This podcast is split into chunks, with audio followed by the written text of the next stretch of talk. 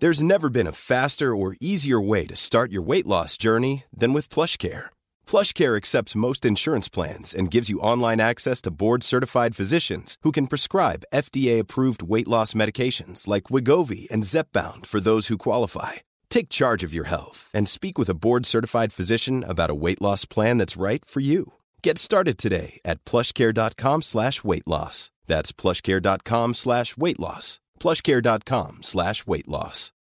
Since 2013, Bombas has donated over 100 million socks, underwear, and t-shirts to those facing homelessness. If we counted those on air, this ad would last over 1,157 days. But if we counted the time it takes to make a donation possible, it would take just a few clicks. Because every time you make a purchase, Bombas donates an item to someone who needs it. Go to bombas.com slash ACAST and use code ACAST for 20% off your first purchase. That's bombas.com slash ACAST, code ACAST. Hi, I'm Daniel, founder of Pretty Litter. Did you know cats tend to hide symptoms of sickness and pain? I learned this the hard way after losing my cat, Gingy. So I created Pretty Litter, a health monitoring litter that helps detect early signs of illness by changing colors, saving you money and potentially your cat's life. Pretty Litter is veterinarian developed, and it's the easiest way to keep tabs on your fur baby's health right at home. Go to prettylitter.com and use code ACAST for 20% off your first order and a free cat toy. Terms and conditions apply. See site for details.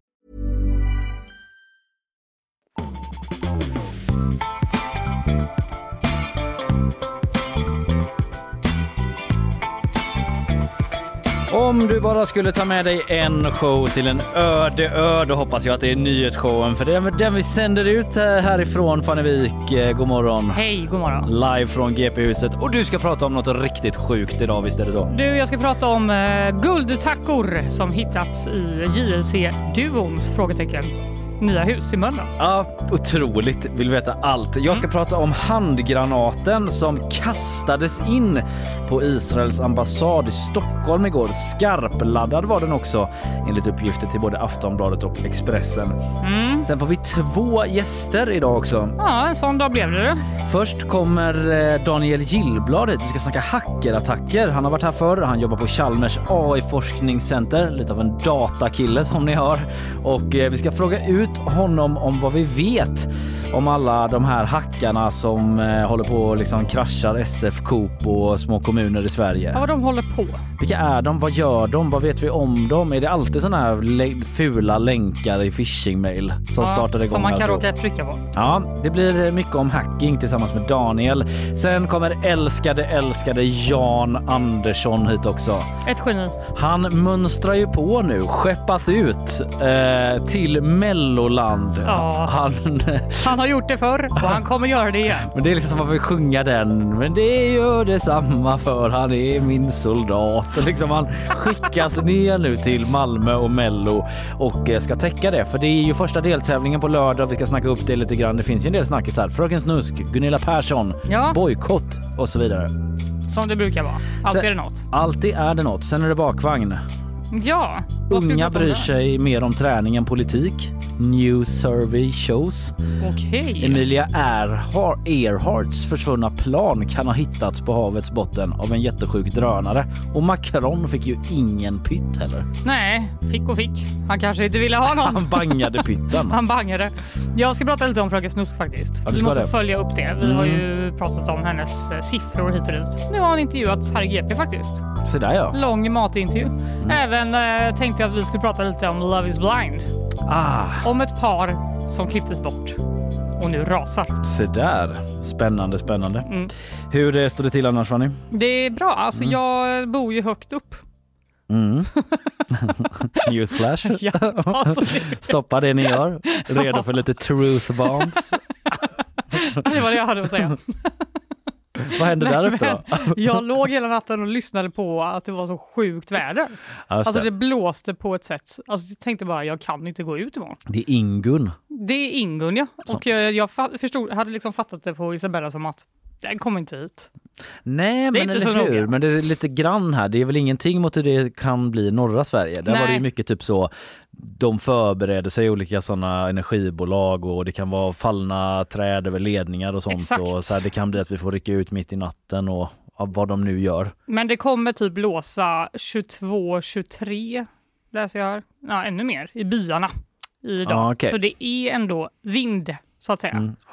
Eh, Håll i hatten. Men det, var, det jag skulle säga till alla lyssnare var i alla fall att det var inte så farligt. Det är typ varmt ute. Ja, det är lite sådana typ vårvibbar nästan faktiskt. Ja. Om man är i lä i alla fall. Om man har, har, har en god inställning.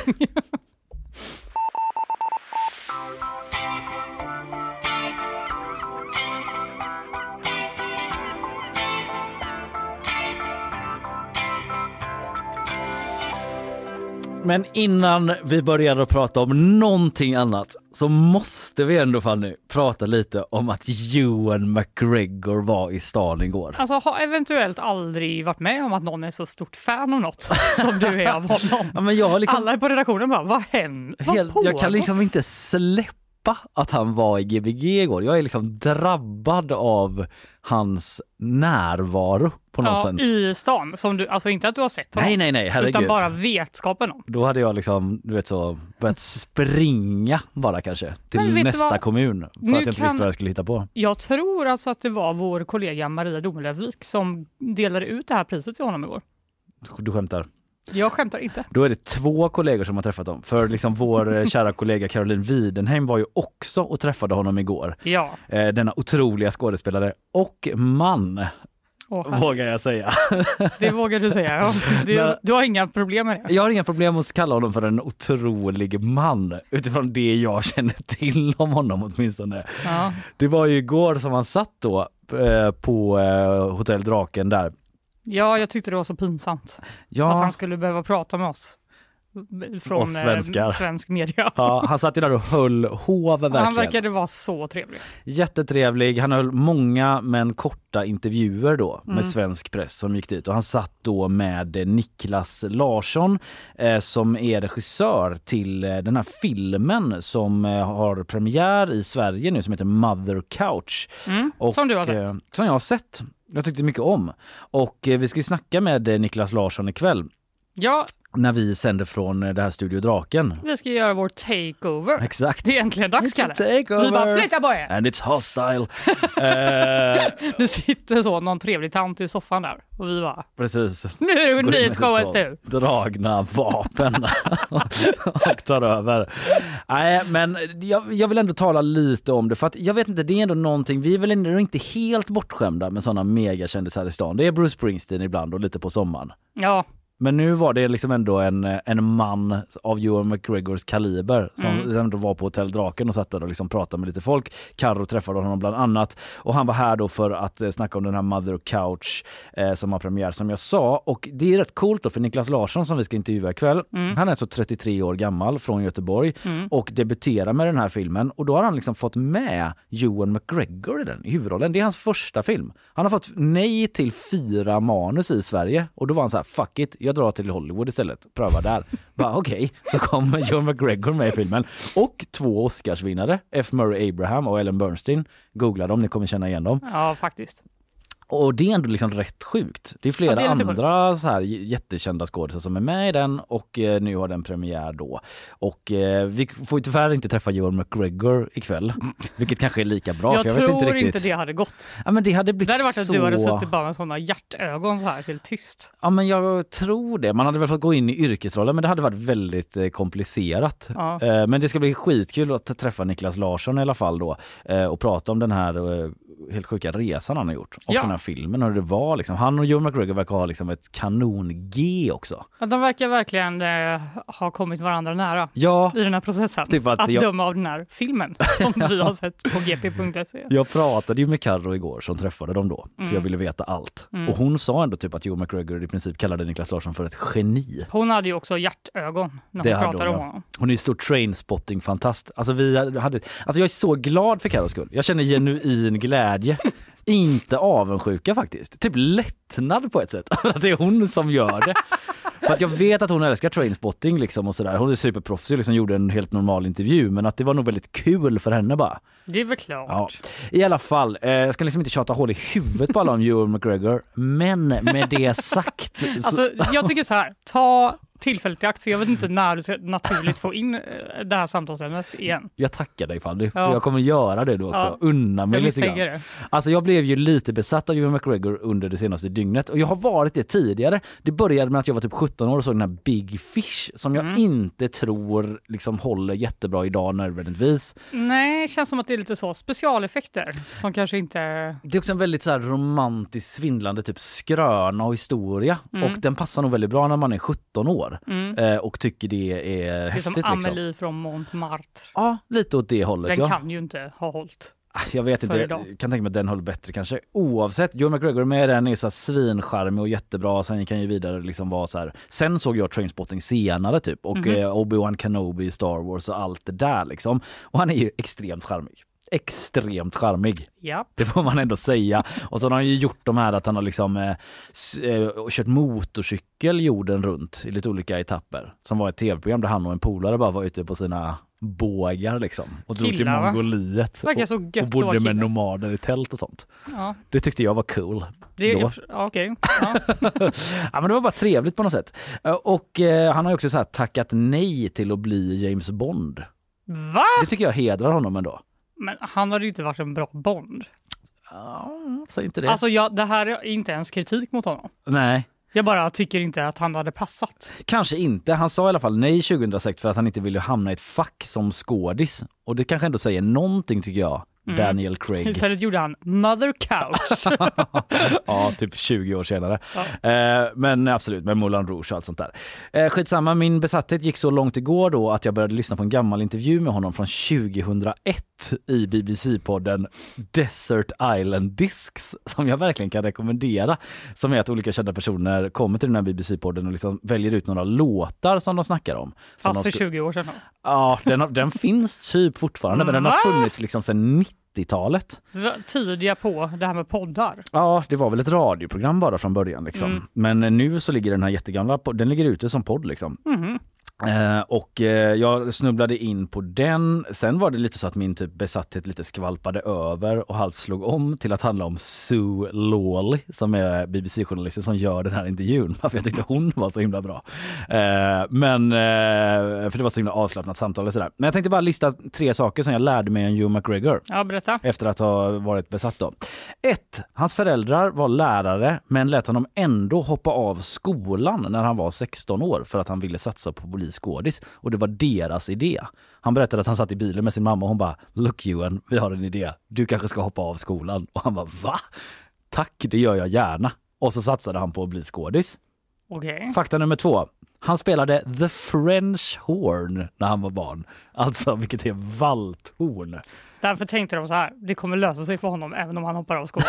Han är en proper nerd. Han kan alltid falla tillbaka på valthornet.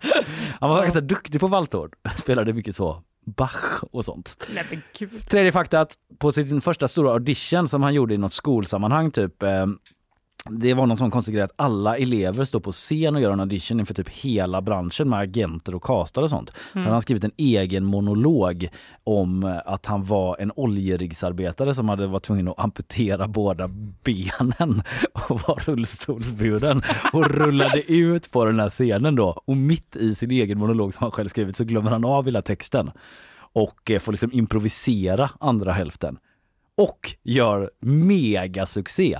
Att efteråt så ville bara, och då var det tydligen, tydligen så, det var bara en lite sån knäpp grej de har där på den här skådespelarutbildningen, att efter ska alla elever gå ut i den här publiken och typ servera dem mackor. De har en bricka med mackor. Och då blir det så taskigt för att vissa som inte gjorde så bra audition har ju bara massa mackor kvar. Ja, det är ingen som vill ha deras äckliga macka. Nej, medan Joe McGregor hade inga mackor men massa visitkort på sin. För att liksom där började resan för honom. Och eh, sen har det gått Fy jättebra. vad sjukt. Ja, nu har han i alla fall varit i Göteborg och eh, han har väl säkert åkt hem redan. Eh, men han har promotat den här filmen och tagit emot filmfestivalens hederspris då eh, för sina insatser. Det var ju därför han kom hit. Det är så man får hit sådana personer. Så är det. Ge dem ett pris. Carro träffade honom och det finns en jättebra artikel om Hugh McGregor och Niklas Larsson och Mother Couch, den här filmen som ligger på vår eh, sajt. Mm. Där McGregor snackade om sin skilsmässa, hur det lett fram till en annan film han gör nu med sin dotter om att typ så hitta tillbaka till en skadad far och dotterrelation. Eller eh, hitta tillbaka till varandra efter en skadad relation Mm. snarare. Och en del annat. Hon gjorde även tre så här snabba frågor med honom som jag ändå kunde uppskatta. Eh, vi kan lyssna hur det lät bara. Det är han och Niklas Larsson. Får vi höra lite deras banter också. Firstly, uh, do you love your dog so much that you've considered cloning it? No, I wouldn't clone him. What about the clone dog that you have in your home? Okay. Is your brother's nickname in the Air Force OB2? No, that's not true. I mean, they they, they don't use nicknames in the Royal Air Force, so he um, they have called they have they have nicknames but not call signs, and that would be a call sign. So it's not true. Do you sometimes pretend to use the Force to open sliding doors? I do. I can't help myself. Is Yeah, your- no, yeah, I've seen it live. Super embarrassing. It's so embarrassing. I get caught doing it from time to time. Yeah. Det har vi väl alla gjort ändå. Försökt öppna en dörr med the force. Nej, Eller vad säger du? nej. Am I right Fanny? Nej, absolut Ja. inte. Han snackade även lite i artikeln med eh, Karo om att eh, han typ inte gillade att göra Star Wars så mycket, lät det som i alla fall. Man bara står för en, framför en green screen och sen sa han Ah. typ så här, eh, jag tror jag stoppar där innan jag säger något jag kommer ångra. Men han har varit inne på det förr i alla fall. Vi läste det som att han hatar Star Wars-filmerna! Ja, men fucking Ewan McGregor var här igår och eh, jag blev till mig och alla som lyssnar. Vi kanske ses på Draken ikväll då när du och jag är där. Klockan sex. Klockan sex och intervjuar Niklas Larsson som regisserat Mother Couch. Och Lena Endre. Med Lena Endre också, Hallå. inte i den filmen men eh, absolut. Hon är också där. Hon är ordförande för juryn som utser eh, Dragon Award. Det. It's gonna be great!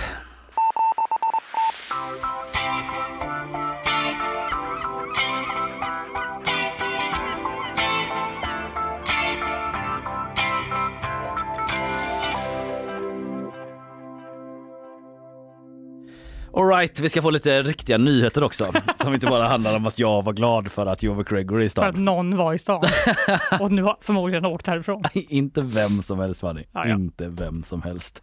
Eh, därför så är det känns det så himla skönt att få in eh, Isabella Persson i studion. God morgon. God morgon. Har du liksom känt ett pirr i magen av att veta bara att Joel McGregor är i stan? Alltså jag är så dålig på skådespelare. Så jag liksom, det har liksom gått och pratat om det här i huset och jag bara, ja, ja, ja, jag vet inte vem det är. Och sen så googlade jag hans namn och tänkte, aha, okej det var lite coolt. Ja, ja. Pärle försvinn på något sätt ändå. Men eh, vi eh, tar väl det som du eh, liksom ändå uppskattar och älskar, nämligen nyheter Ja, nu blir det. i form av ett svep. Varsågod. Under toppmötet idag så kommer EU-länderna göra ett nytt försök att få igenom det stora stödpaketet till Ukraina. Ja, medlemsländerna har försökt tidigare men stoppats av Ungern och Orbán som är den enda regeringschefen som ställt sig mot förslaget. Det handlar om ett stödpaket på eh, eh, 50 miljoner euro men Orbáns förslag har varit att dela upp stödet i mindre delar och rösta om de olika delarna. Men som det verkar vill an- alla andra få igenom stödet som det är och frågan är nu om Orbán kommer ge med sig och släppa igenom det idag. Greta Thunberg ställs idag inför en domstol i London åtalad för störande av ordning. Den här gången åtalas hon tillsammans med 26 andra aktivister för att ha blockerat ingången till ett hotell där en olje och gaskonferens pågick. I november närvarade Thunberg vid den första förhandlingsdagen och nekade då till alla anklagelser om ordningsbrott. Och nej, det är inte första gången som Thunberg ställs inför rätta utan hon har tidigare dömts till dagsböter vid två tillfällen men då i svensk domstol. Den svenska EU-tjänstemannen Johan Floderus sitter fängslad i Iran och nu vill hans familj att UD går med på en fångutväxling för att få deras son frigiven, detta rapporterar DN. Vad man vet så har Sverige aldrig använt fångutväxling för att få tillbaka medborgare från andra länder. Men familjen vill nu att UD omprövar den svenska hållningen och framförallt använder alla möjliga verktyg som finns för att deras son ska släppas. UDs presstjänst uppger till DN att de inte kommenterar frågan om fångutväxling men säger däremot att de arbetar intensivt för att få Floderus fri. Tack Isabella. Ödesdag för Ukraina alltså i EU om Orban ska ge med sig eller inte. Så är det. Det var ju, vi pratade om det med Janne Höglund här för några veckor sedan att liksom, det kan ju ändå finnas sätt att runda eh, Ja. Ungern då. Det kommer väl bli nästa Mm. steg. Vad blir liksom plan B Ja, om han inte ger med sig? jag, ska inte säga någonting, men vi har, vi har haft ett sånt här annat ämne där man har gjort det. Vi rapporterade om det här när man eh, just rundade Ungern och Polen. Men tyvärr kommer jag inte ihåg vilket ämne det handlar om nu, så det är väldigt det ska dåligt. inte behöva dra hela Nej, EUs plan Men B, liksom, det har hänt tidigare, det är liksom det jag vill säga. Ja. Och eh, man kan på något sätt, eh, de har väl sätt att komma runt vissa regler sådär. Ja, det verkar ju så. Jag tänker att vi på ett eller annat sätt kommer följa upp det här eh, under morgondagen säkert. Ja. Om inte annat på gp.se Ja. uppdateras det Det blir spännande frekvent. framförallt att se. Han kanske släpper igenom det. Ja, kanske han gör. Det kanske är bara så enkelt det blir. Det får vi veta under dagen. Tack Isabella. Tack.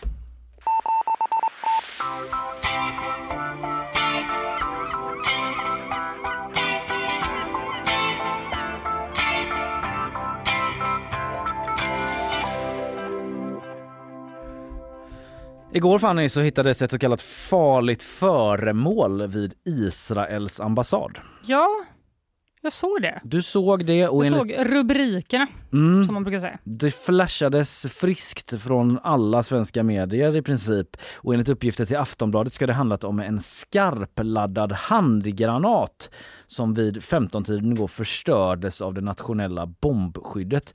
Och en granat då som enligt Aftonbladet ska ha kastats in över ambassadens staket och blivit liggande nära fasaden där. Mhm. Och det blir ju lite spekulation. Vi vet ju inte, polisen har ju inte bekräftat liksom exakt hur det ligger till, men som att någon ska ha gått förbi och bara hystat in en skarpladdad granat. Och att den då skulle ha exploderat, får man väl anta. Det får man väl anta om den var skarpladdad. inte gjorde det. Nej, vid den här ambassaden då som ligger nära Strandvägen och Djurgården i Stockholm, alltså rätt centralt och jättenära Sveriges Radio och SVT också faktiskt. Eller ganska nära får man säga i alla fall.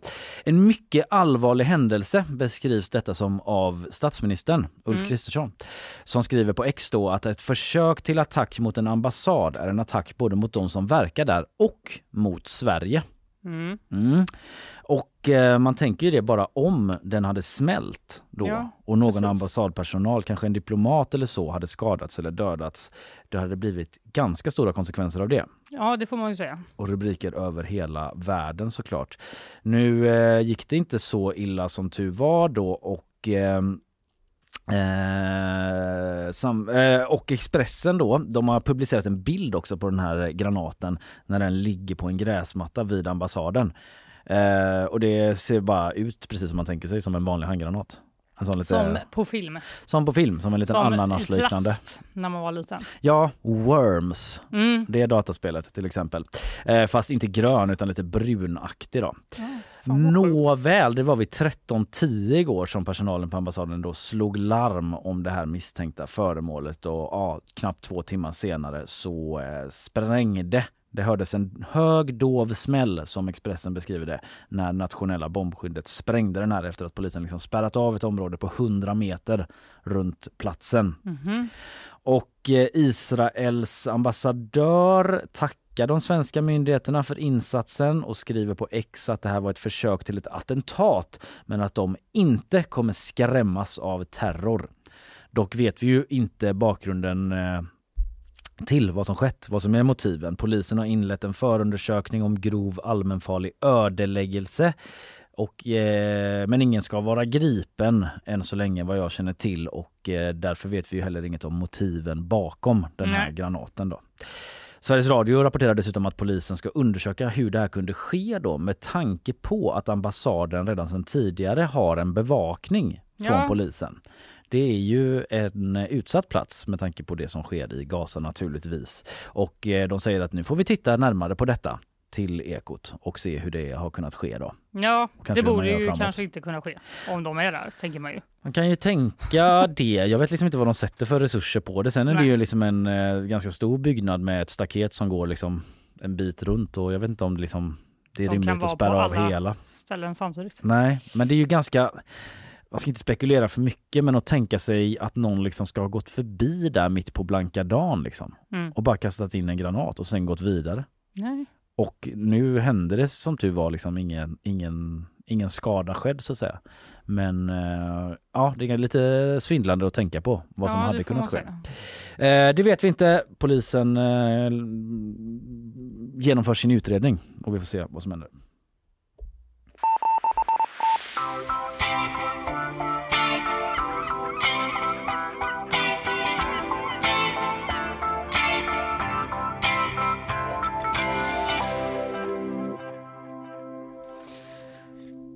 Du, det slog ner som en bomb igår den här nyheten. Den var överallt. Verkligen. regnade. Jag pratar alltså om att eh, Youtube-stjärnorna Lukas Simonsson och Carl Demand från eh, humorgruppen JLC har köpt ett hus i Mölndal för 7,8 miljoner och att den tredje medlemmen Jonas Fagerström inte fick vara med.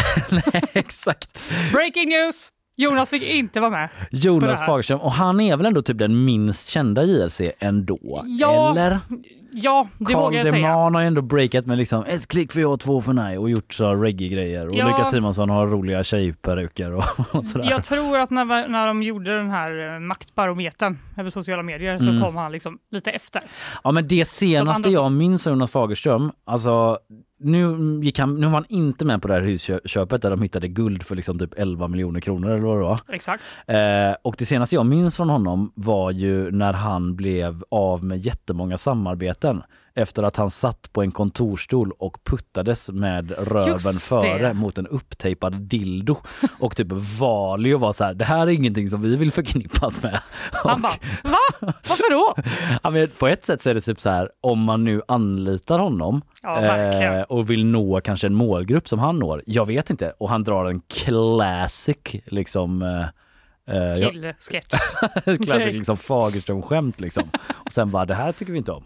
Ja, jag vet inte. Det är det jag liksom minns av honom så tyckte jag ändå det var lite så eh, tragikomiskt, kanske är fel ord, men att han nu då först blev av med Valio-samarbetet och nu inte är med och delar med de andra kompisarna på Ja. eh, 11 miljoner kronor guld. Det är svårt att ehm, inte reagera när det helt plötsligt står JLC-duon hela tiden. När Ja. man då refererar till det här bolaget. Men vi får väl ha lite bakgrund va? Ja, Nyheten, berätta om eh, detta sjuka. ändå. Ja, nyheten är helt enkelt det här att på vinden i det här huset i Mölndal som eh, Karl och Lukas har köpt för 7,8 miljoner så hittade hantverkare guldtacker och eh, platina som var värda då mycket mer än huset självt, alltså uppåt 11 miljoner kronor. JLC får guldfeber. Exakt. Ja. Eh, och nu pågår en rättslig strid om vem som har rätt till det här godset. Då, va? Är det JLC? Eller är det den som sålde huset till JLC? Eller är det hantverkarna som hittade allt guld Ja. och platina? Det känns som det svagaste caset. Alltså, hantverkarna skulle jag... Jag är ingen jurist men... Jag ska säga att eh, de, det verkar inte vara så att någon tror att det är de som kommer få det. Nej. Men det kan vara så att de kanske får en liten hittelön till exempel. Just det, för det är ju inte så att om man har hantverkare hemma som ska typ renovera köket att de bara säger jag har hittat tusen spänn i din plånbok typ så här. Du hade lagt en hundring här under, under liksom Ja, vasken. Eller hade åkt ner, ja, den precis, hade åkt ner i soffkuddarna så här. En, eh, bröll- men en, en ring, en förlovningsring så här. Den så visste inte du om va? Vi kommer gå till polisen med den nu och sen kanske det blir vår. Ja, så verkar det ju inte vara helt Nej. enkelt. Och eh, man kan ju säga också om JLC då att förutom att de gör de här roliga, roliga sketcherna Mm. på Youtube och Instagram och de har en jättestor podd etc. Och är, blev faktiskt mäktigast på internet i höstas. De puttade ner familjen Lundell Mm. och tog eh, förstaplatsen. Fan vad Så, man är eh, ändå frånkopplad från de mäktigaste på internet Ja, ändå. Det är inte så, Så- att man bara badar i deras content. Nej. Men eh, så är det i alla fall. Så är det i alla fall och därför så har de ekonomiska framgångar och när man har det så brukar man ju ofta då, rika, ofta göra andra företag. Expandera verksamheten. Expandera verksamheten. Det har även Lukas och Karl gjort. De håller på med paddelhallar och det är olika cocktails Mm. och det är nu då fastigheter. Medan Jonas Fagerström sakta liksom färdades med röven först mot en dildo så startade de tre De företag. bara, typ. paddel, cocktails. Han bara, Han bara, kolla "Watch det här me!" killar, kolla det här. Bara, ja det blir säkert jättekul. Vi ska bara lämna in lite papper här till, Till Bolagsverket. Ja, exakt. Ja, för i augusti då så startade Lukas och Karl bolaget Didder och Dadder AB. Mm. Eh, Ett fullständigt rimligt namn på ett bolag som ska förvalta fastigheter. Ja, okej. Ja, eh, och eh, av någon outgrundlig anledning så började de- man då med en fastighet i Mölndal Ja. som eh, man helt enkelt ska renovera och hyra ut lägenheter i då. Man ska flippa Mm. huset. Mm. Det känns lite Eh. random att de gör det, men det är säkert smart. Det är know. säkert smart. Fastigheter är väl bra investeringar hört. Särskilt om det finns jättemycket guld på vinden. Ja, men det visste de inte. Nej, för det som hände då var att hantverkarna hittade det här fyndet och det låg i ett dolt utrymme på den här vinden då, det, vi snackar 10 kilo guld och Det är så 5 jävla kilo eh, platina då. Ja. Och det, därav detta höga värde. Och eh, man kan ju undra, liksom, är det någon som har förberett sig för kriget och sen Ja. glömt bort att man har gjort det kanske?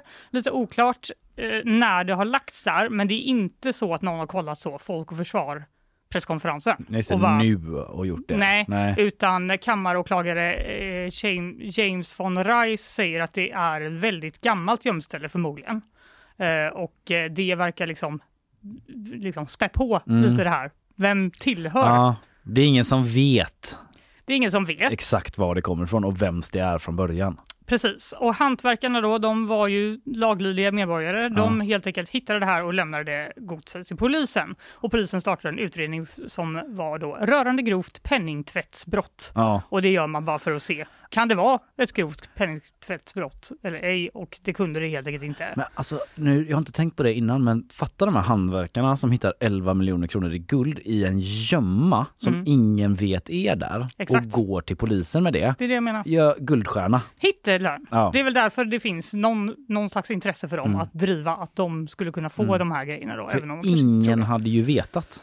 Ingen hade ju vetat, men dock Det så... hade säkert kommit fram på något sätt. Ja, du vet så är de säkert ett gott gäng där, så bara är det Ja. någon som kommer kunna Snackar göra det här. Ja. Ja, de, gjorde, de gjorde sin plikt i alla fall. Mm. Eh, och eh, åklagaren säger att han har lagt ner förundersökningen. Jag kan konstatera att det inte funnits någon anledning att misstänka brott. Och skulle det varit något brott så är det urgammalt och preskriberat sedan länge.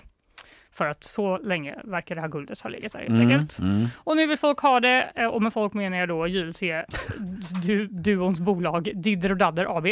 De har eh, liksom genom jurister eh, hävdat att egendomen ska återlämnas till dem. Det är liksom som att de har ett fastighetsbolag som heter typ så Ramalama Ding Dong. Ja. De bara, vad ska vi döpa det till? Så bara, ehm, Didder och Dadder AB. Ja, det blir bra. Det finns säkert någon intern bakgrundshistoria till det. Men, De mm, kanske kallar sig för Didder och Dadder kanske. i sin nya duo. Mm. Eh, även säljaren till huset då, samt hantverkarna, eh, vill, ha, de, var, vill ha guldet. Ja. Och nu ska det avgöras vems det är. Säljaren av huset, han säger att eh, det måste tillhört eh, mina döda föräldrar och därmed Mm. min familj. Okej. Han fick det här huset av sin mamma 2006, eh, men sen så bodde hon kvar där till 2016 när hon flyttade in på ett äldreboende, Mm. äldreboende som det Mm. heter. Eh, och nu har hon dessutom gått bort för några år sedan, så man kan liksom inte fråga henne direkt, är det ditt guld som ligger där? Nej. Eh, Men eh, huset byggdes på 60-talet och eh, har ägts då inom person, av personer inom hans familj sedan början av 80-talet. Mm. Så det skulle ändå kunna vara någon av hans familjemedlemmar Det skulle det kunna vara. som har lagt det där. Mm. Eh, dessutom så finns det bevis i form av en guldtacka från mammans dödsbo som då uppges ha ett serienummer i samma serie som guldet som hittades i huset. Ja, okej. Så, Så det, är deras inte case bara, liksom. ja, det är inte Mm. bara circumstances utan Nej. det finns också då en guldtacka. Vad surt ändå liksom vara så nära 11 miljoner i guld och så bara... Ja, men Ja. jag ska säga att GP, vi har då sökt eh, Carl Deman och eh, Lukas Simonsson och de eh, säger då att de är chockade Mm. över fyndet. Det Ja. kan man ju förstå. Det kan man förstå. Eh, varken den tidigare ägaren, upphittarna eller vi kände till att det låg där och hur länge det har legat där eller vem som har placerat det där. Och det är upp till rätten att avgöra vem det tillhör, skriver de i ett mejl. Eh, och eh, så säger de också att det finns regler för hur den här typen av fynd ska hanteras och vi kommer följa de reglerna. Och de menar också att det finns vissa frågetecken kring guldtackan, som jag nämnde. Mhm, det Eh, beviset. eh, ja, precis. finns De mer så, till den historien, mm, menar de. Okej, de Ja. säger det, men det finns lite frågetecken där. Ja. Eh, och GPs reporter ställer då frågan ni köper ett hus för 7,8 miljoner, där hittas guld och platina för 11 miljoner. Känner ni att ni har rätt till det? Och då Mm. eh, är de lite så här, ja vi äger ju den fastigheten. Ja. Och sen får någon annan bara, vi bara Mm, följer precis. reglerna. Vi säger ingenting, vi säger bara att det finns eh, juridik och så vidare. Exakt, och vi kommer rätta oss Låt efter lagen det. sin gång. etc. Eh, sonens advokater dock, då, alltså han som sålde huset till JLC-duon, de är så här, ja det är glasklart va? Mm. Det är sonens Ja. gods. Eh, För Mm. oss finns det inget tvivel om vem som äger guldet och vem som har lagt det i huset, säger hans advokat Viktor Österberg. Och han säger också att vår klient blev inte förvånad över att hans föräldrar har guld. Men att det låg gömt där, det visste han inte. Nej. Och lite kan man väl tänka att han bara, Är du seriös? Ja, kunde jag inte fått reda på det här Kunde lite inte tidigare? någon sagt det? Ja. Eller alternativt, kunde jag inte letat lite bättre innan jag bara sålde av det här huset då? ja.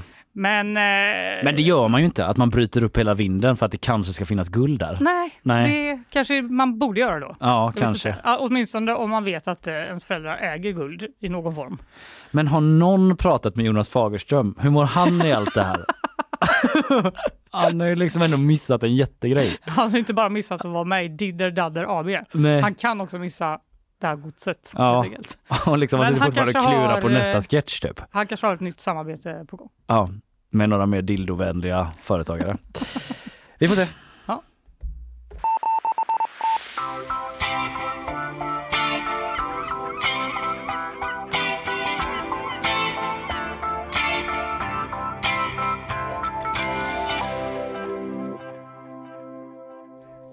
Hackerattack! Nej! When the finish done can't go wrong is hackerattack. Det var lite den tragedy-vibben jag fick. Okej. Det är så det har varit nu ett tag. Det har slagits till mot eh, SF, Coop och små kommuner och säker, eller da, IT-leverantörer och så vidare. Ja. Vi behöver prata om det här. Vi behöver förstå vad är det här för gäng? Vad kan man säga liksom generellt om de som slår till mot länder och stora företag? Hur bär de sig åt med de här phishing-mailen med fula länkar och så? Daniel Gillblad kommer hit. Han jobbar på Chalmers på AI-forskningscentret där och är en kille som kan detta med data. Häng kvar så snackar vi om hackers om en liten, liten stund.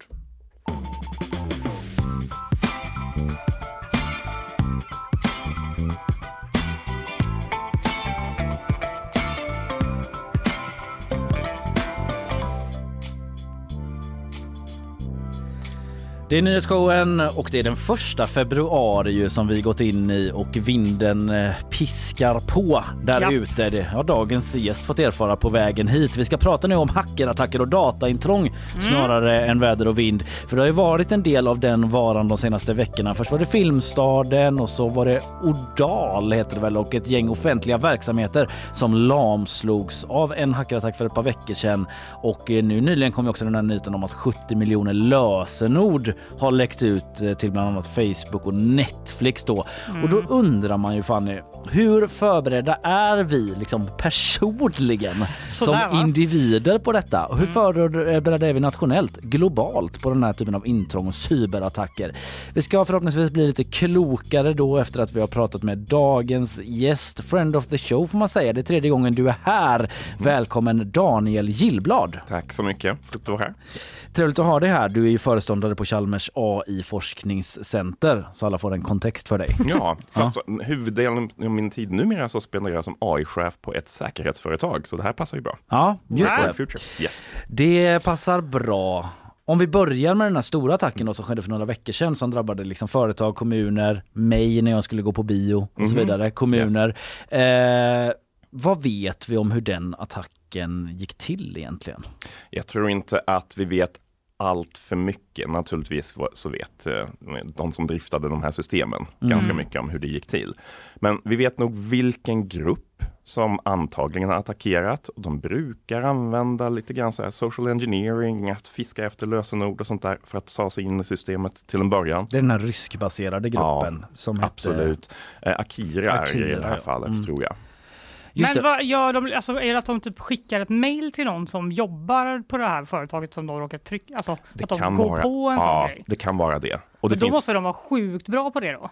De är ganska bra på det. Många av de här eh, grupperna är ju ganska bra på att skaffa sig ingångar, om Ja. man säger som så, till de här systemen.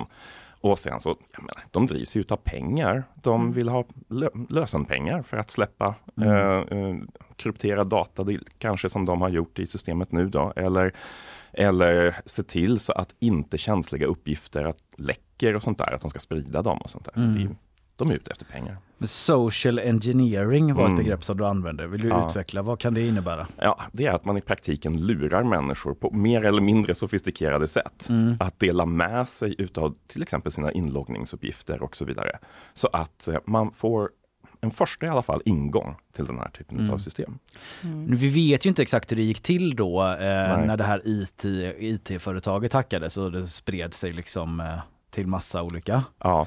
Eh, men det måste ju varit lite mer sofistikerat än liksom hej du har ärvt eh, pengar från en prins i Sudan. Ja, typ. ja, absolut. Eh, absolut. vad kan man men vad kan man tänka sig typ liksom om man ska ge ett ändå fiktivt men ändå troligt exempel på hur det skulle kunna se ut? Det man, man kan ofta se att de här mejlen ser ofta ut, om vi tar ett e-mail då, liksom, Mm. kan se ut som en kollegas e-mail eller någonting sånt där. För att de letar rätt på, ja men vad heter kollegorna, vad jobbar de med och så vidare och så vidare.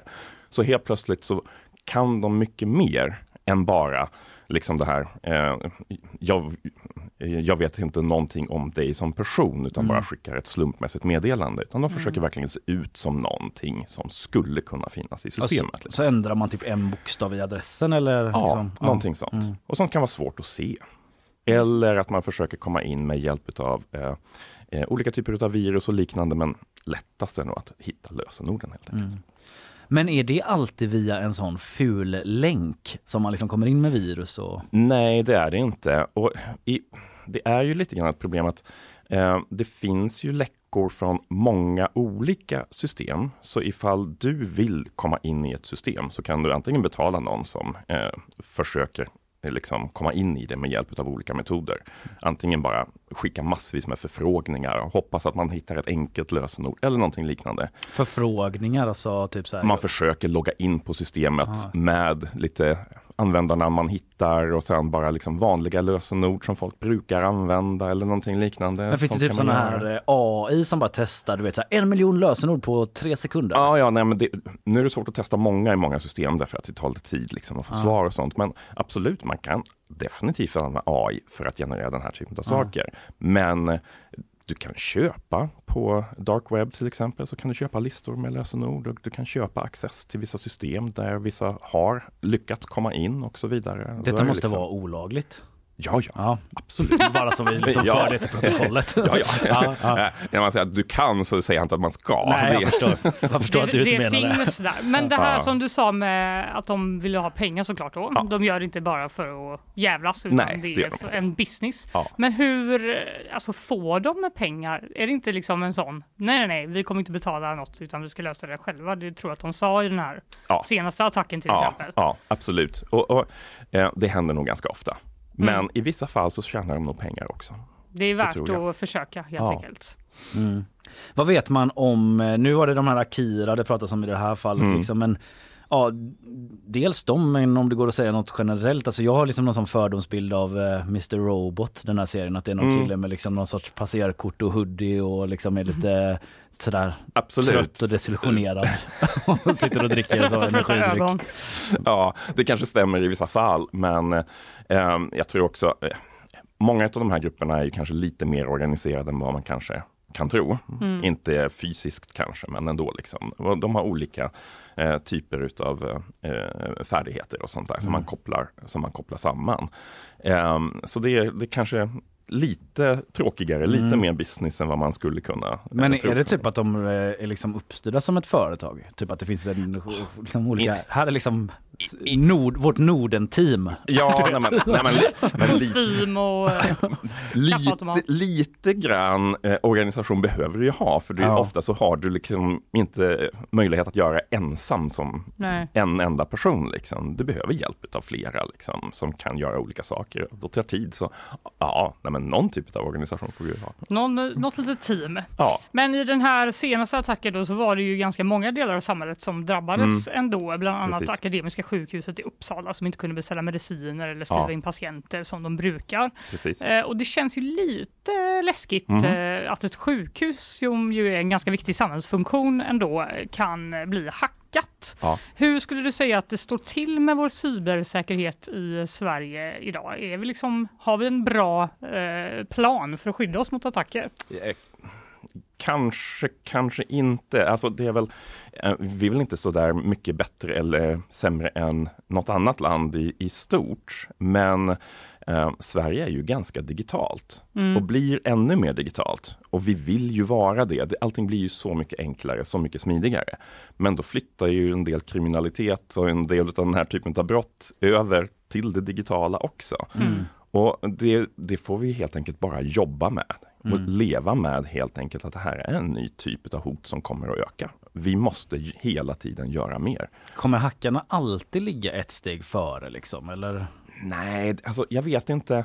Det kommer alltid att finnas eh, lite problem. Därför Ja. att det, det är svårt att bygga lättanvända system som är helt och hållet säkra för allting. Liksom, och Ja, alla men- sådana här sociala För grejer. så är det ju med vanlig brottslighet så att säga, eller traditionell brottslighet. Vi har ju massa lagar och system för att ingen ska Absolut. råna en bank eller Ja. liksom sådär, något annat, men det sker ändå. Men nu är det Eller på en hur? helt annan skala, liksom, att man Ja. slår ut liksom en hel kommun. Typ. Eh, Ja. Det är så mycket högre stakes. Det blir ju det. Och, och, och det, det är klart att det är jättebra att när vi eh, har mindre kontanter, att det är mer fys mindre fysiska rån liksom, så här, eh, på gatan. Mm. Men brottsligheten kommer ju att finnas och flytta in någon annanstans Mm. liksom, på många sätt. Men om vi typ tänker lite framåt då, vad tror du kommer bli nästa grej? Finns det någon sån ny attack som vi kommer se mer utav, tror du?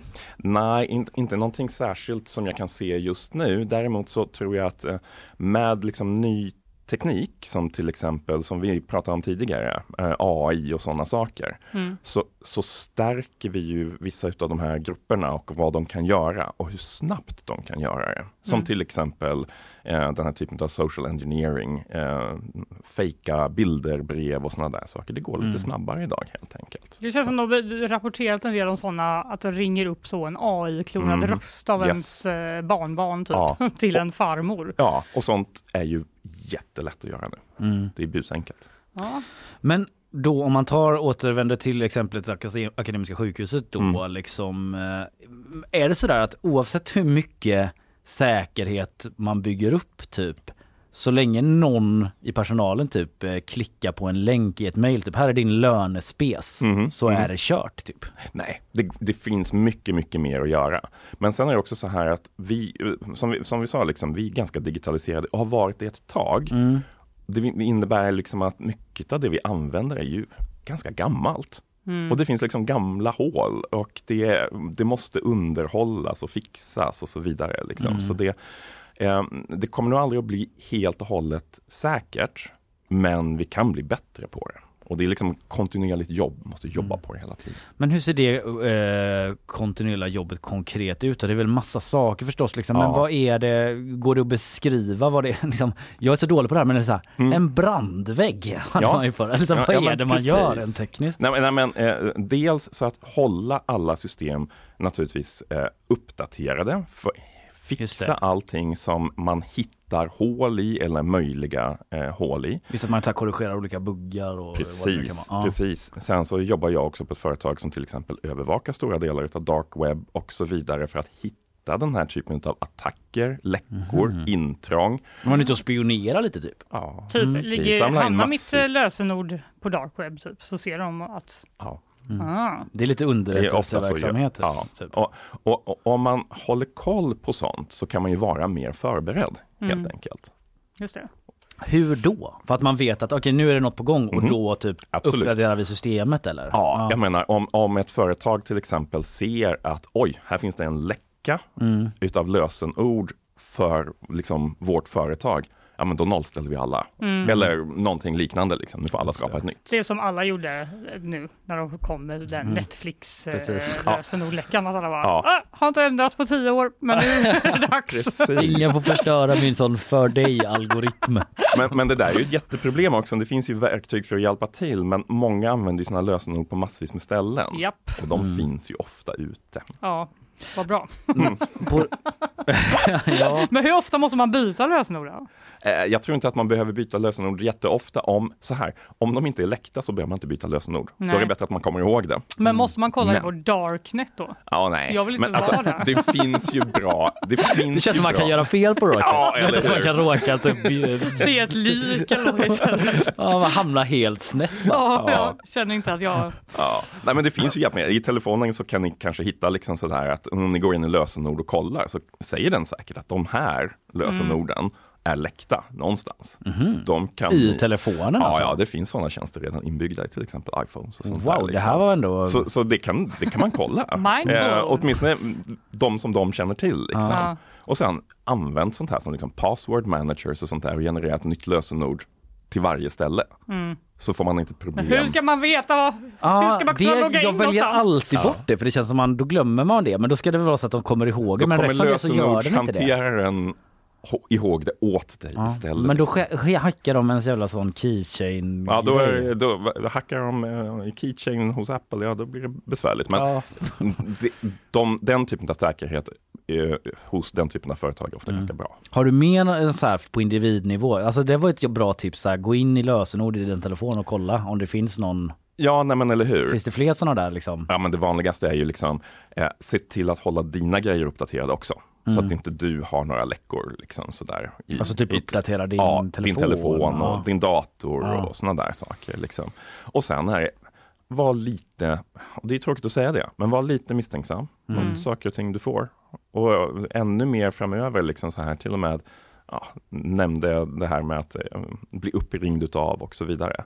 Ja, Mm. var lite misstänksam helt enkelt. Fy fan vad man är dålig på att uppdatera sina system ändå. Att Ja, man ja, ja. sådana Ja. rutor som man inte ens får bort, man bara drar dem på datorn så ner i hörnet så man inte ska se dem. Jag hoppas vi inte att IT-hubben lyssnar på det här. Nej, På stampen. så gör inte du Daniel på jobbet. Eh, nej, det Nej. inte. På ett globalt plan då, vi eh, pratade lite om eh, innan vi eh, drog igång intervjun här om den här Leave the Mm. World Behind. Du hade inte sett den men Fanny har sett hela, jag har sett halva. Mhm. Den handlar bara premissen typ utan att spoila någonting om Ja. att eh, det verkar vara, jag har bara sett halva då, men det verkar vara någon typ av hackerorganisation som liksom börjar hacka satelliter Ja. och allting stängs ner liksom. Ja. TV, all kommunikation och så vidare. Ja.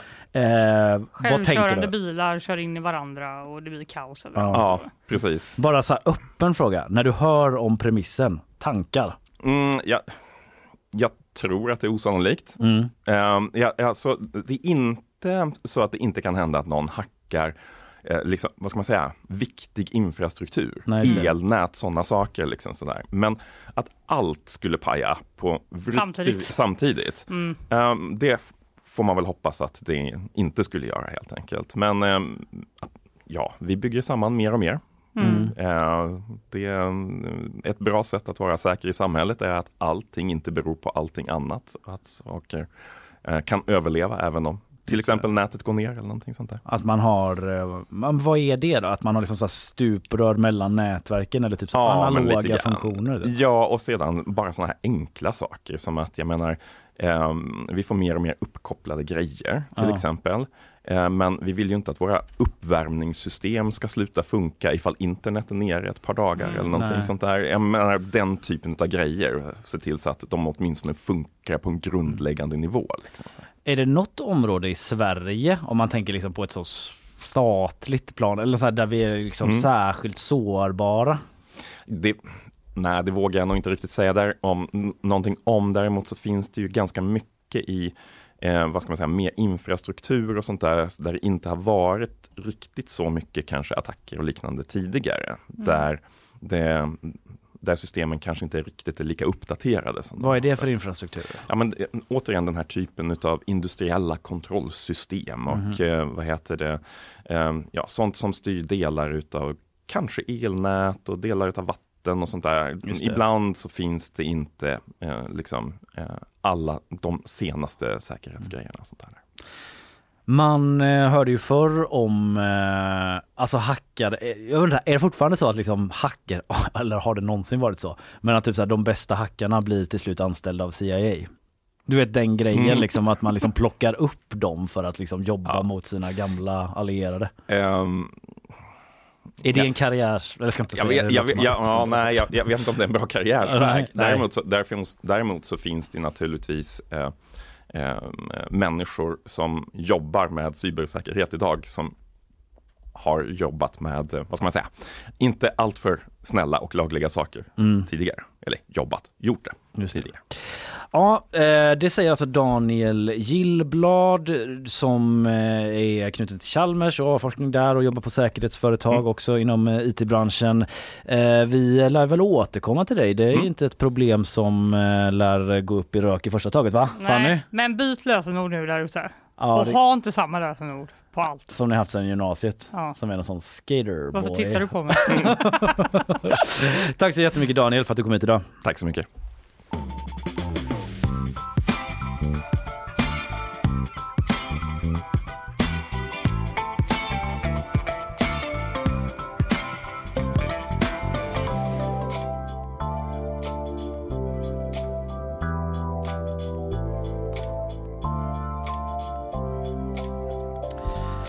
Daniel Gillblad lämnar studion. Ska rätta mig själv där lite för att han är ju inte kny, knuten till Chalmers eh, längre.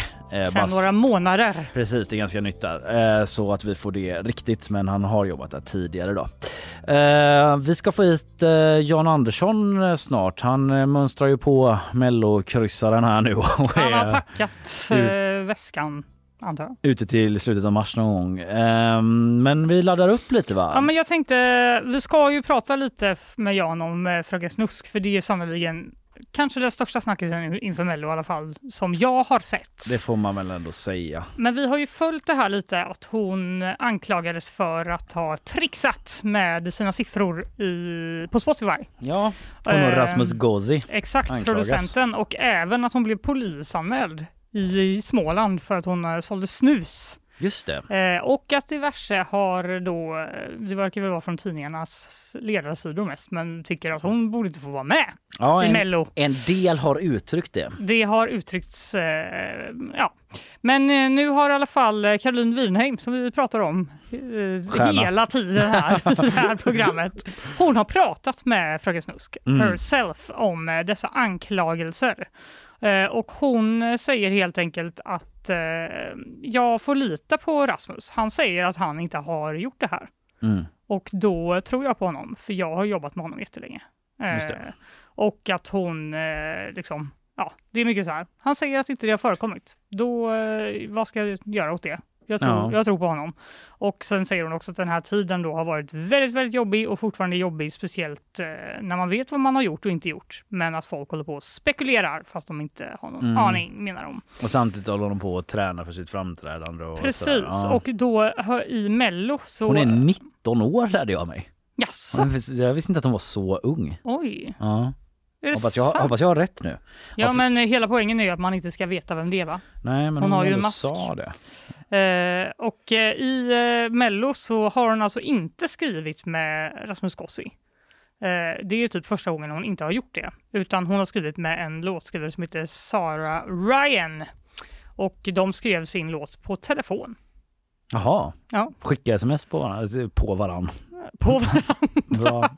Nej men det står så här, vanligtvis får Fröken Snusk då låtar skickade till sig från Rasmus Gossi med anvisningar om vad hon ska sjunga. Mm. Men här har hon då varit med själv. Okej. Och hon säger då att eh, det kommer inte bli massa snusk i Mello. Nej, Det är ju hennes grej. de håller det lite clean. Ja, eh, att, eh, att Fröken clean. Hon säger de flesta vet att jag sjunger om snusk. Mm. Men det förekommer inte i den här låten. Utan eh, jag vet ju att det är både barn och äldre Mm. som kollar på Mello och då vill jag visa epadunkens andra sida. Där det inte behöver vara snusk. Nej. Men man får inte tappa dunket. Alltså ordet snusk känns så himla inte tillhörande typ den generationen. Det känns så gammaldags. Ja, Snusk. för det, ja. Jag Vad är det för snusk? Det, jag det tänker typ att det är så, ligger lite mat i vasken. Ja, Det tänker jag är ja. snusk. Ja. Men det tror jag inte att fröken håller med om. Hon Mm. kallar sig också för fröken. Det står, när GP försöker reda, reda i hur relationen mellan Fröken Snusk och Rasmus Gossi ser ut mer formellt, så tar det stopp. Fröken Snusk kallar det för ett jobb som vilket som helst. Hon sjunger sina låtar och låter andra sköta bolaget. Mhm. Och så frågar Caroline, är du anställd? Och då svarar hon, alltså, jag är fröken. Okej. Väldigt kryptiskt. Heter hon Fröken Snusk i Melodifestivalen eller heter hon bara Fröken där? Nej, det är Fröken Snusken då. hon heter Fröken Vad Snusk. menar hon med att jag är fröken? Hon Jag bara så här, tror bara att hon vill svara på frågan. Nej. Min tolkning av det här. En fast inte sista som bara, eh, okej. Okej. Ja, ja, men hon eh, Så det känns inte vid något eh, fusk med streams Nej. i alla fall är väl det stora vi tar med oss. Det är det vi tar med oss. Det gör ju inte heller Rasmus Gossi dock. Nej. Men med det sagt så ligger låtarna inte tillbaka på Spotify än. Så Ett mysterium. ett mysterium.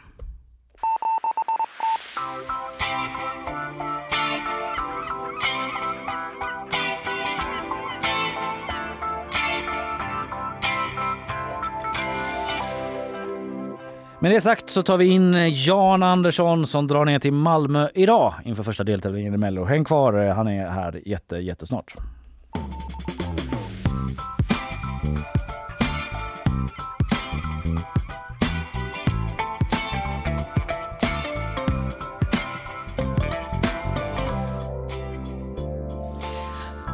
Det dags igen. På lördag drar årets Melodifestival igång. Fem deltävlingar, en final, kval och ett stor final på Friends Arena den 9 mars.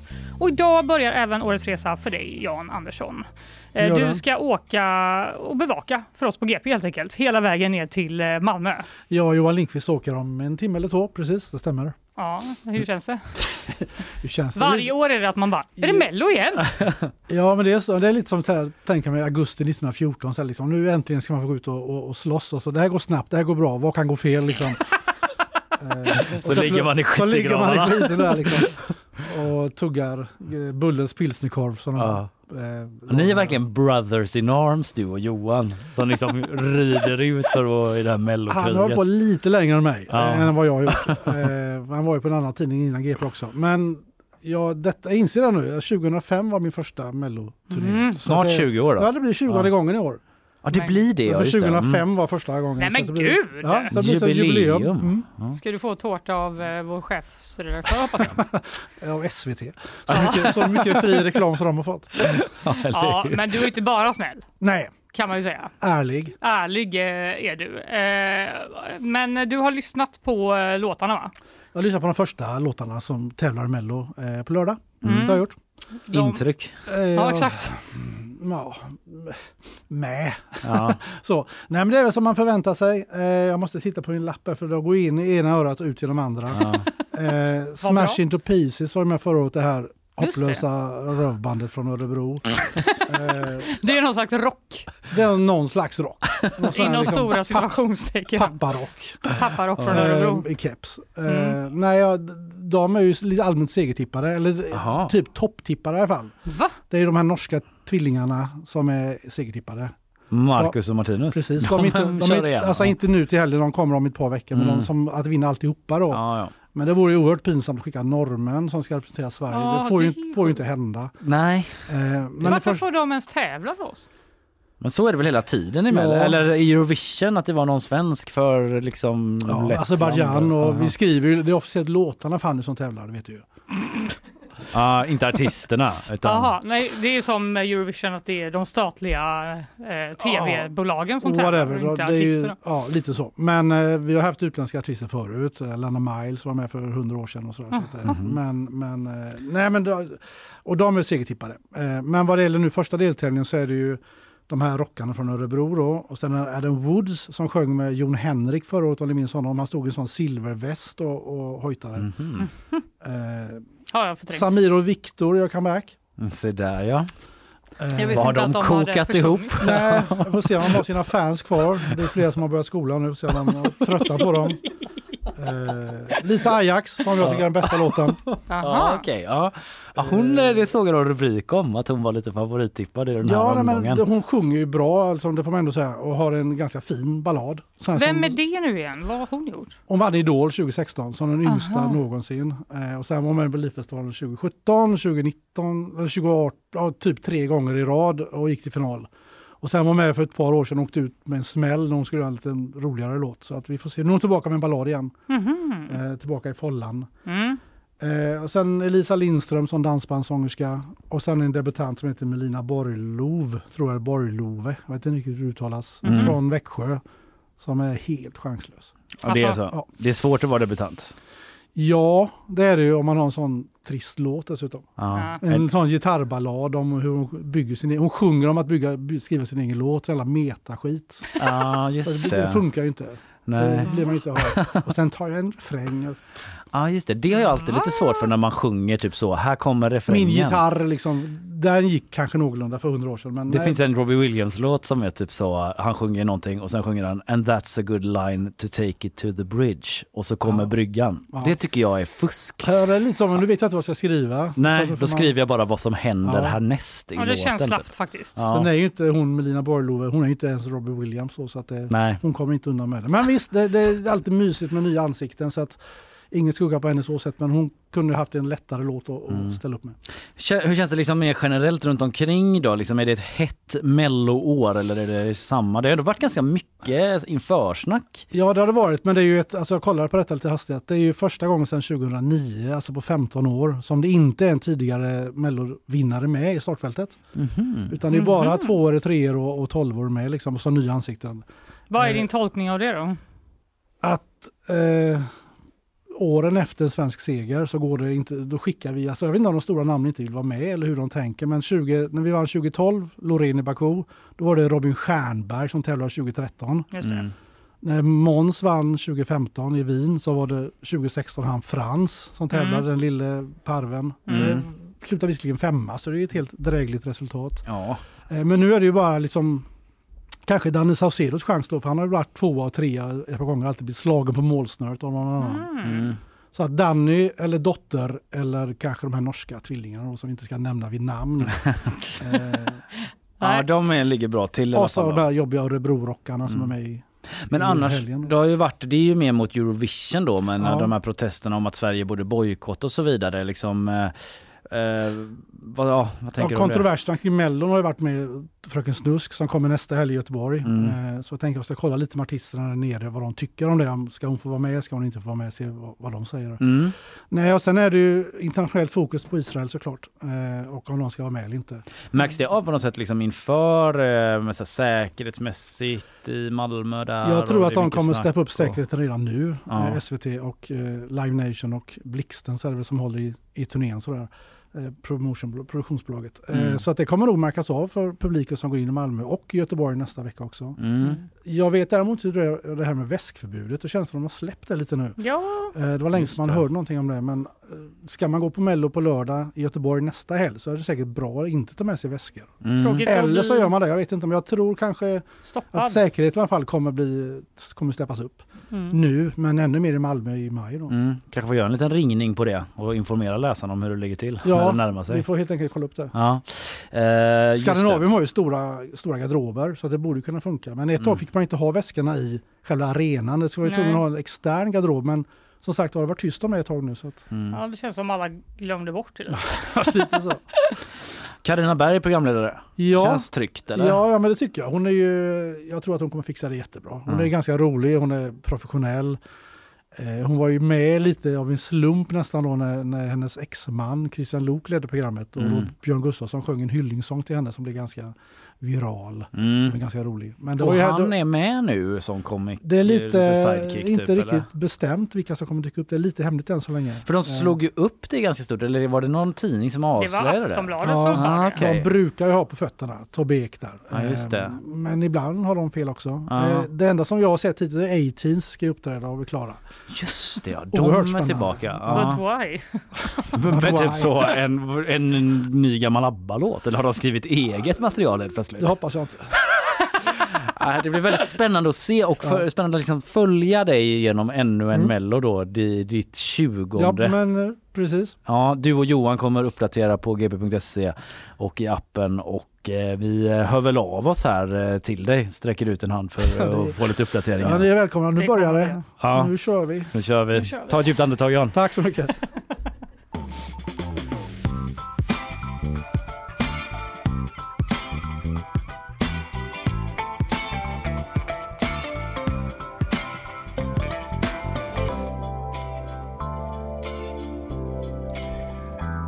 Likt eh, Jan eh, som tuffar ner mot Malmö tuffar vi vidare med dagens program och rätt in i bakvagnen Ja! ska vi med det tåget. Politik ute bland unga. Bryr sig om träning läser jag på Omni. Känner du till ungdomsbarometern? Eh, ja, det känner man väl till. Mm. Stående Men- inslag när jag jobbade på P3, den unga kanalen Ja, Sveriges Radio, det. så kom de in och så här, det här gillar unga. De bara, inte politik, så ni kan sluta med det på nyheterna. Exakt, tankesmedjan bara. Men det är ju därför de håller på med de där grejerna va? För de ska försöka få unga att bry sig. Eh, ja, precis. De Den- har ju ett man går uppdrag. en omväg. Mm. Men vi kan nu mer bara prata om träning i showen. Eh, Exakt. Nej, vi kör. Vi gillar ju politik och nyheter och sånt, så då kör vi på det. det gör vi faktiskt. I alla fall, det är Ungdomsbarometern då som har släppt ett pressmeddelande och utifrån sin nya upplaga. De stämmer ju av med unga liksom varje år. Vad, typ vad de gör i sociala medier, på nätet, vad de är intresserade av och så vidare. Och då visade det sig då att andelen unga som är intresserade av politik har fallit från 50% 2018 ner till 38 förra året. Mhm. Ändå ganska stort dropp på 12 procentenheter. Ja, Det är många som tycker det har blivit töntigt att vara PK, säger Tuva Granström på Kungsholmens Västra gymnasium i Stockholm till DN som har liksom följt upp den här rapporten lite grann. Aha. Eh, men man behöver inte vara PK för att vara politisk tänker jag då. Nej, jag fattar inte riktigt. Om jag nu ska sitta så här på avstånd och typ så liksom argumentera Ungdomar! mot en gymnasietjej och bara på tryckt avstånd. Men det var alltså det att när folk typ var så feminister, då var de intresserade av politik. Men nu har de kommit på att det är töntigt att vara woke, så då skiter de i allt istället. Mm. En annan röst, eh, 19-åriga Isak Palmer som TT pratar med säger att eh, man har inte jättemycket framtidstro överlag när det är mycket skit som händer i världen. De är desillusionerade om vi ska tro liksom de här Isak här då. Man liksom eh, eh, känner att ja, det är skit ändå. Och den egna ekonomin och hälsan då i form av träning och kost är viktiga för dagens unga. Eh, Ulrik Hoffman, vd på Ungdomsbarometern, säger det är två områden där man kan ta kontroll och göra något. Så att det här med politiken känns så Jaha. abstrakt och långt ifrån och då kan man liksom vända blicken mot sig själv och bli rik och fit istället. Men det är, det är individualisterna. Ja, det är väl det. Men man kan ju förstå, jag har väl också blivit lite sådär kostbesatt. Can't relate. Nej, inte jätte, men liksom lite sådär. Lite mer. Ja, jag vet Men inte du vad... har väl plats för två saker i hjärnan samtidigt? Ja, Kalle? jag jobbar ju med massa nyheter och politik hela tiden så då får man väl... eh, Ja. Och ekonomin är väl eh, eh, liksom inte som att jag vill tänka på. Nej, men det tvingas men- man ju till. Så är det när man är vuxen. Så är det när man är vuxen och så här är det när man är ungdom då enligt ungdomsbarometern.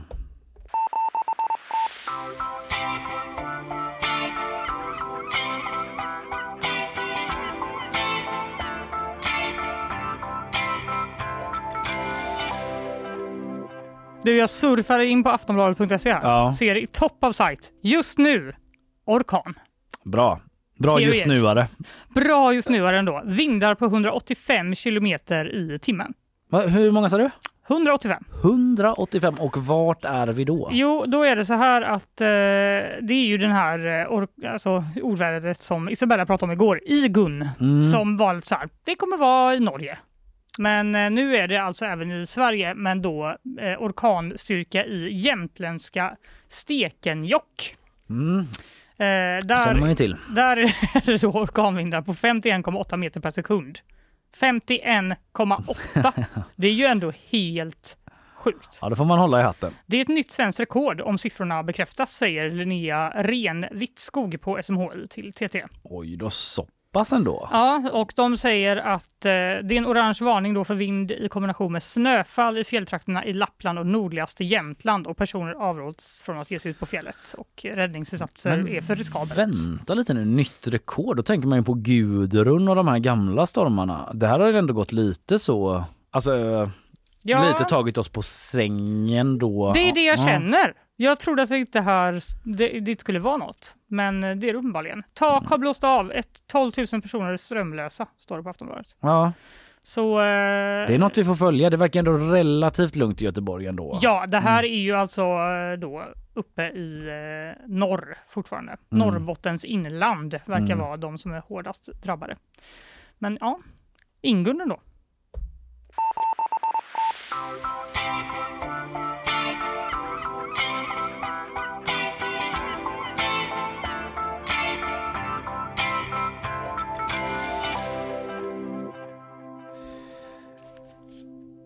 Jag eh, surfade in på gp.se igår och Mm. läste en artikel om en skandal i Australien. Ja, precis, det är lite modus operandi så på Ja. mig.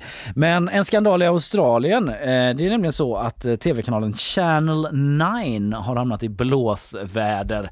Eh, eftersom att de i en nyhetssändning visade en manipulerad bild på en politiker, Georgie Purcell.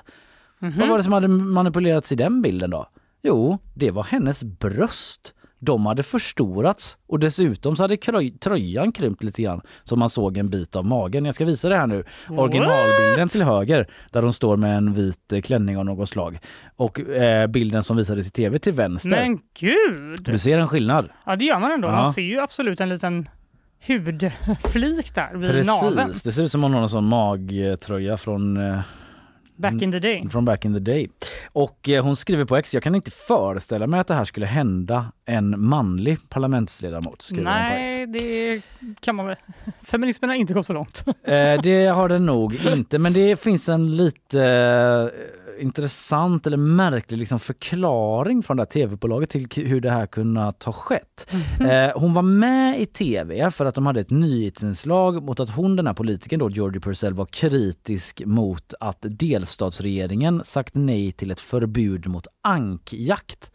Det är kanske en stor fråga i Jag bara, Australien. om? Hon vill förbjuda ankjakt, delstatsregeringen sa nej och det blev ett jävla liv om det. Hon skrev jag fick utstå mycket igår.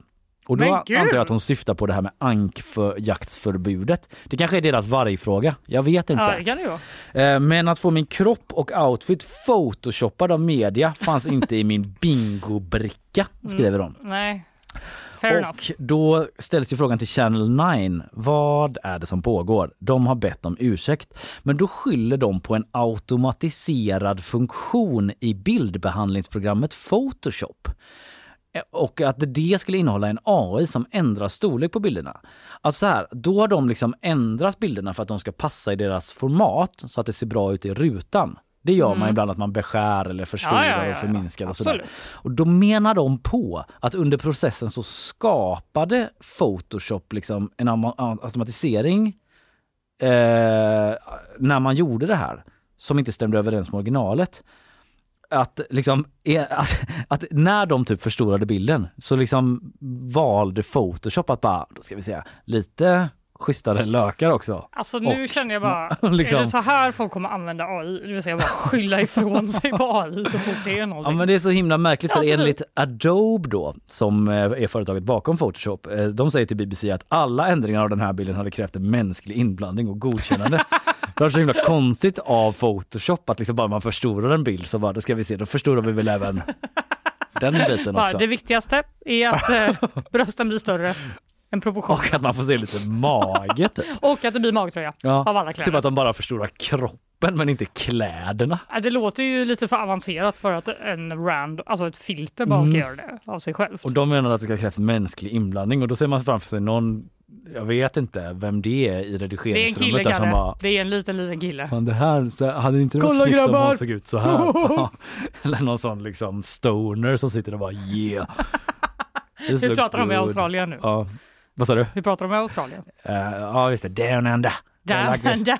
Maybe if we in, enhance... Nej jag kan inte, det blir ingen bra. Eh, men hon har i alla fall accepterat kanalens ursäkt men är skeptisk till förklaringen. Ja. Det här är inte någon slumpmässig person på internet. Det här är en organisation med mycket personal och mycket resurser. Ärligt talat borde de veta bättre, säger hon till BBC.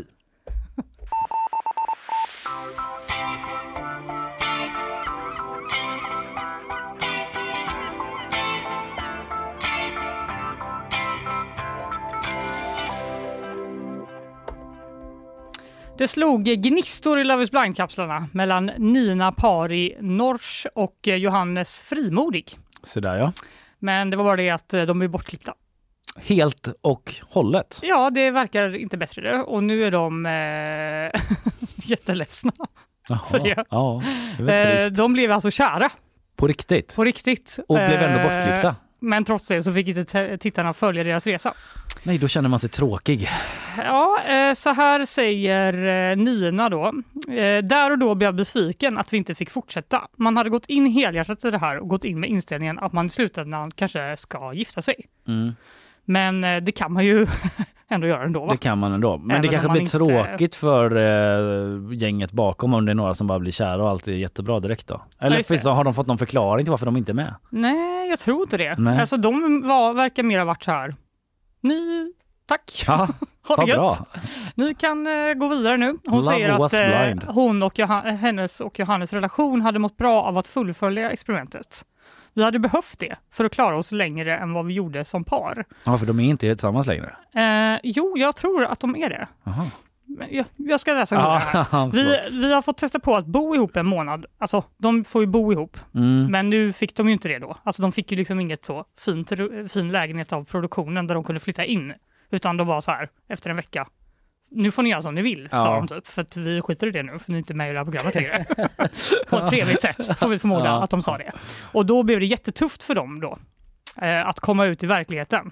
Mm. Eh, och eh, de fick typ en, eh, en hotellnatt av produktionen. Alltså Okej. samma natt som de blev bortkörda. Eh, där de då fick landa tillsammans och då tyckte de att det var lite jobbigt alltihopa. Ja, ja. Jag var chockad och skärrad över allt jag hade upplevt och kände mig skör och eh, som en liten hundvalp som någon hade lämnat på gatan. Men som tur var då så var ju Johannes där. Mm. Mm, och eh, de skulle sova ihop etc. Netflix vill inte kommentera då på eh, liksom, hur de gjorde det här urvalet. Nej. Det var ju fem par som man fick följa. Just det. Uppenbarligen kanske det är fler par som blir bortklippta. Det är väl ändå den bistra reality-verkligheten. Att vissa Ja. inte kommer med i programmet. Ja, eller hur? Eh, nej men här står det faktiskt att efter några månader så gjorde de slut. Ja, Så de var ihop liksom ett ganska bra tag efteråt. Men Men, efter några månader. att det hade kunnat rädda dem då, att vara med i hela programmet. Jag antar Vem det. vet, de kanske hade varit gifta idag då. Men jag tycker ändå det är roligt att de var så här, vi blev kära. Ja. Men sen blev vi bortklippta! och då så slutade det vi vara spelar för fan ingen roll. Om kärleken är blind eller inte. Ja. Eh, men hon får frågan, är kärleken blind?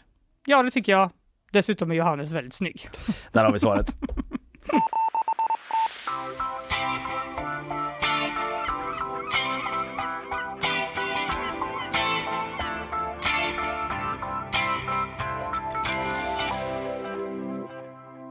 Vi kan väl bara nämna, eftersom vi har babblat en del om det i det här programmet, att eh, Emmanuel Macron alltså inte, jag upprepar inte, åt pyttipanna med bearnaisesås på Lunds nation igår. Nej, det kan Det man väl förstå. Mycket snack. Eh, Lars, Leif Mannerström heter han ju för guds skull. Mm. Rasade i onödan. Akta så han inte rasar mot dig nu, så de inte vet vad han heter. Ja, Lars Mannerström la, bara, rasar. Här rasar Lars Mannerström mot Kalle Berg. Ja. Eh, Nej, han skulle ju på den här studentafton i Lund och det var massa snack om att han skulle, det skulle ske den här liksom eh, eh, hädelsen mot fransk matkultur, att blanda bearnaise med pyttipanna. Mm. Eh, men så blev det inte så. Eh, han var dock på, eh, på i Lund då och tog del av olika innovationer och forskning där då. Kungen var med också och eh, Alfa Laval var en av gästerna då. Eh, och det, han hade någon sån han signerade en avsiktsförklaring står det om ett svenskt, svenskt-franskt forskningssamarbete gällande kärnkraftsteknik. De är ju ganska långt framme med kärnkraft. Kul, kul. Ja, och då var det typ så, ja då ska vi se, då är det alltså dags för lite pytt in panna. Pytt, Han bara, var är utgången? Han bara, Mr President, då är han borta. Då är det sånt Macron-hål i väggen. Men jag ska visa dig nu en bild på pyttipannan, för Ja. jag har en bekant som var där. Det är, Är det ju sant? absolut eh, färdig pyttipanna. Och det eh, färdig bearnaise. En rejäl klick eh, bearnaise ser på sidan. jävla äckligt ut. En Alltså. ganska sån tjock bearnaise, inte den här lösa. Nej, eller? men det är ju att ingen har gjort den själv. Det är ju bara upplassat från en sån eh, burk. Det Men ser ska, man ju. är grejen att det ska vara lite studentigt sådär, eftersom det är på studentnationen? Jag antar det. Ja, Okej, så du, du, har, du har en sån källa som har tagit bild på den här. Ja, Ja. men det tyckte jag var coolt för att jag trodde att Macron hade ätit det. Men nu Så har han inte det. inser jag ju att det har han ju inte då. Han stack därifrån när de bara Le Pit au pain. Men det här ser ju ut som något som eh, man Bon får serverat på eh, Rusta typ. Ja, Nej, inte Rusta. Ikea Rasta. kanske. Rasta. Rusta. Rusta har förmodligen också pyttipanna. Fanny vid eh, 11-tiden då. Ska vi dra på lunch eller? Jag tror det är pyttipanna på Rusta idag. Okej. Ja, känner jag mig lite som inte en kvinna av folket. Mm. Men, Däremot så, eh, så slutade hans besök i allsång står det. Väl på plats svarade han på frågor från Lundaprofessorn Sylvia Schwag Serger, eller Serge, jag vet inte, och ett antal studenter innan allt avslutades med allsång till Joe Dassin, Champs-Élysées. Känner du till den låten? Jajamän. Oh Champs-Élysées, oh Champs-Élysées. Den ställde de sig alltså och sjöng då. Och eh, sången uppmärksammas av franska medier. Bland annat frågar Le Figaro lite försynt om det är särskilt lämpligt att brista ut i sång när Frankrike skakas, skakas av stora bondeprotester. Ah. De kör väl in med traktorer vid Champs-Élysées typ? Ja, typ Alltså, vid de eh, stora ingångarna till stan i alla fall. Ja, okej, de tyckte det var lite bad taste. Tillfället kan tyckas vara lite illa valt, skriver Le Figaro. Och efter allsången så stack han snabbt som en avlöning vidare till en mottagning i AF-borgen. Va? Vad är det nu igen då? Ja, vad är det nu igen då? Det är Borgen? Akademiska föreningens hus. Men gud vad han jobbar. Ja, han körde på där men någon pyttipanna blev det alltså inte. Skönt.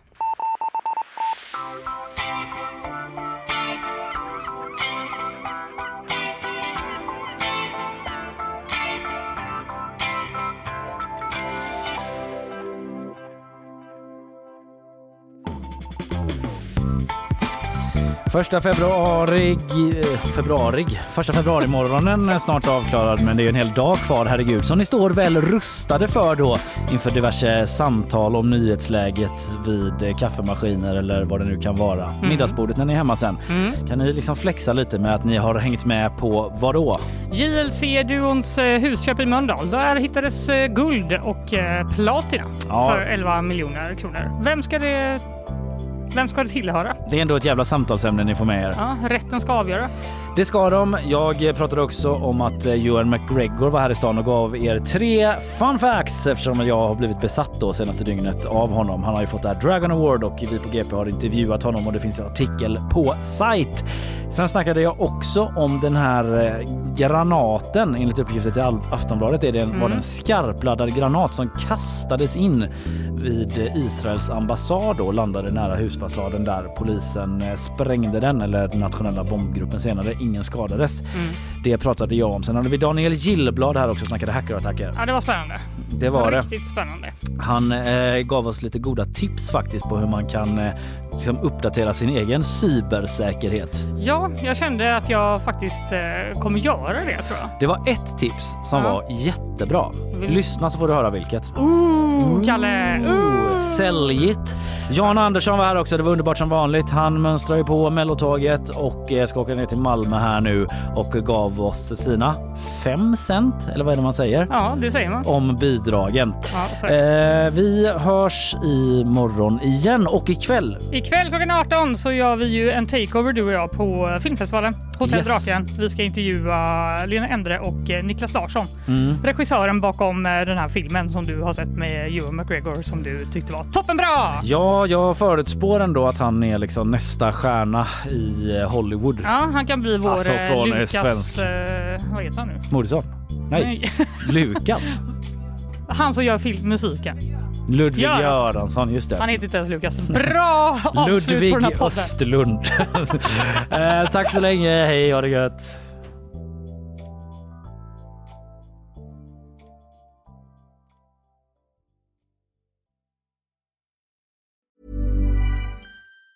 Even on a budget, quality is non-negotiable. That's why Quince is the place to score high-end essentials at 50 to 80% less than similar brands. Get your hands on buttery soft cashmere sweaters from just 60 bucks, Italian leather jackets, and so much more.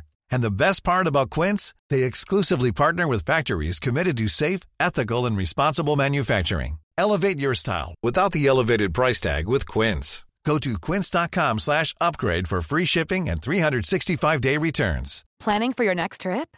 Elevate your travel style with Quince. Quince has all the jet setting essentials you'll want for your next getaway, like European linen, premium luggage options, buttery soft Italian leather bags, and so much more. And is all priced at 50 to 80% less than similar brands. Plus, Quince only works with factories that use safe and ethical manufacturing practices. Pack your bags with high-quality essentials you'll be wearing for vacations to come with Quince. Go to quince.com slash pack for free shipping and 365-day returns. Imagine the softest sheets you've ever felt. Now imagine them getting even softer over time. That's what you'll feel with Bowl and Branch's organic cotton sheets. In a recent customer survey, 96% replied that Bowl and Branch sheets get softer with every wash. Start getting your best night's sleep in these sheets that get softer and softer for years to come. Try their sheets with a 30-night guarantee. Plus, get 15% off your first order at bowlandbranch.com. Code BUTTERY. Exclusions apply. See site for details.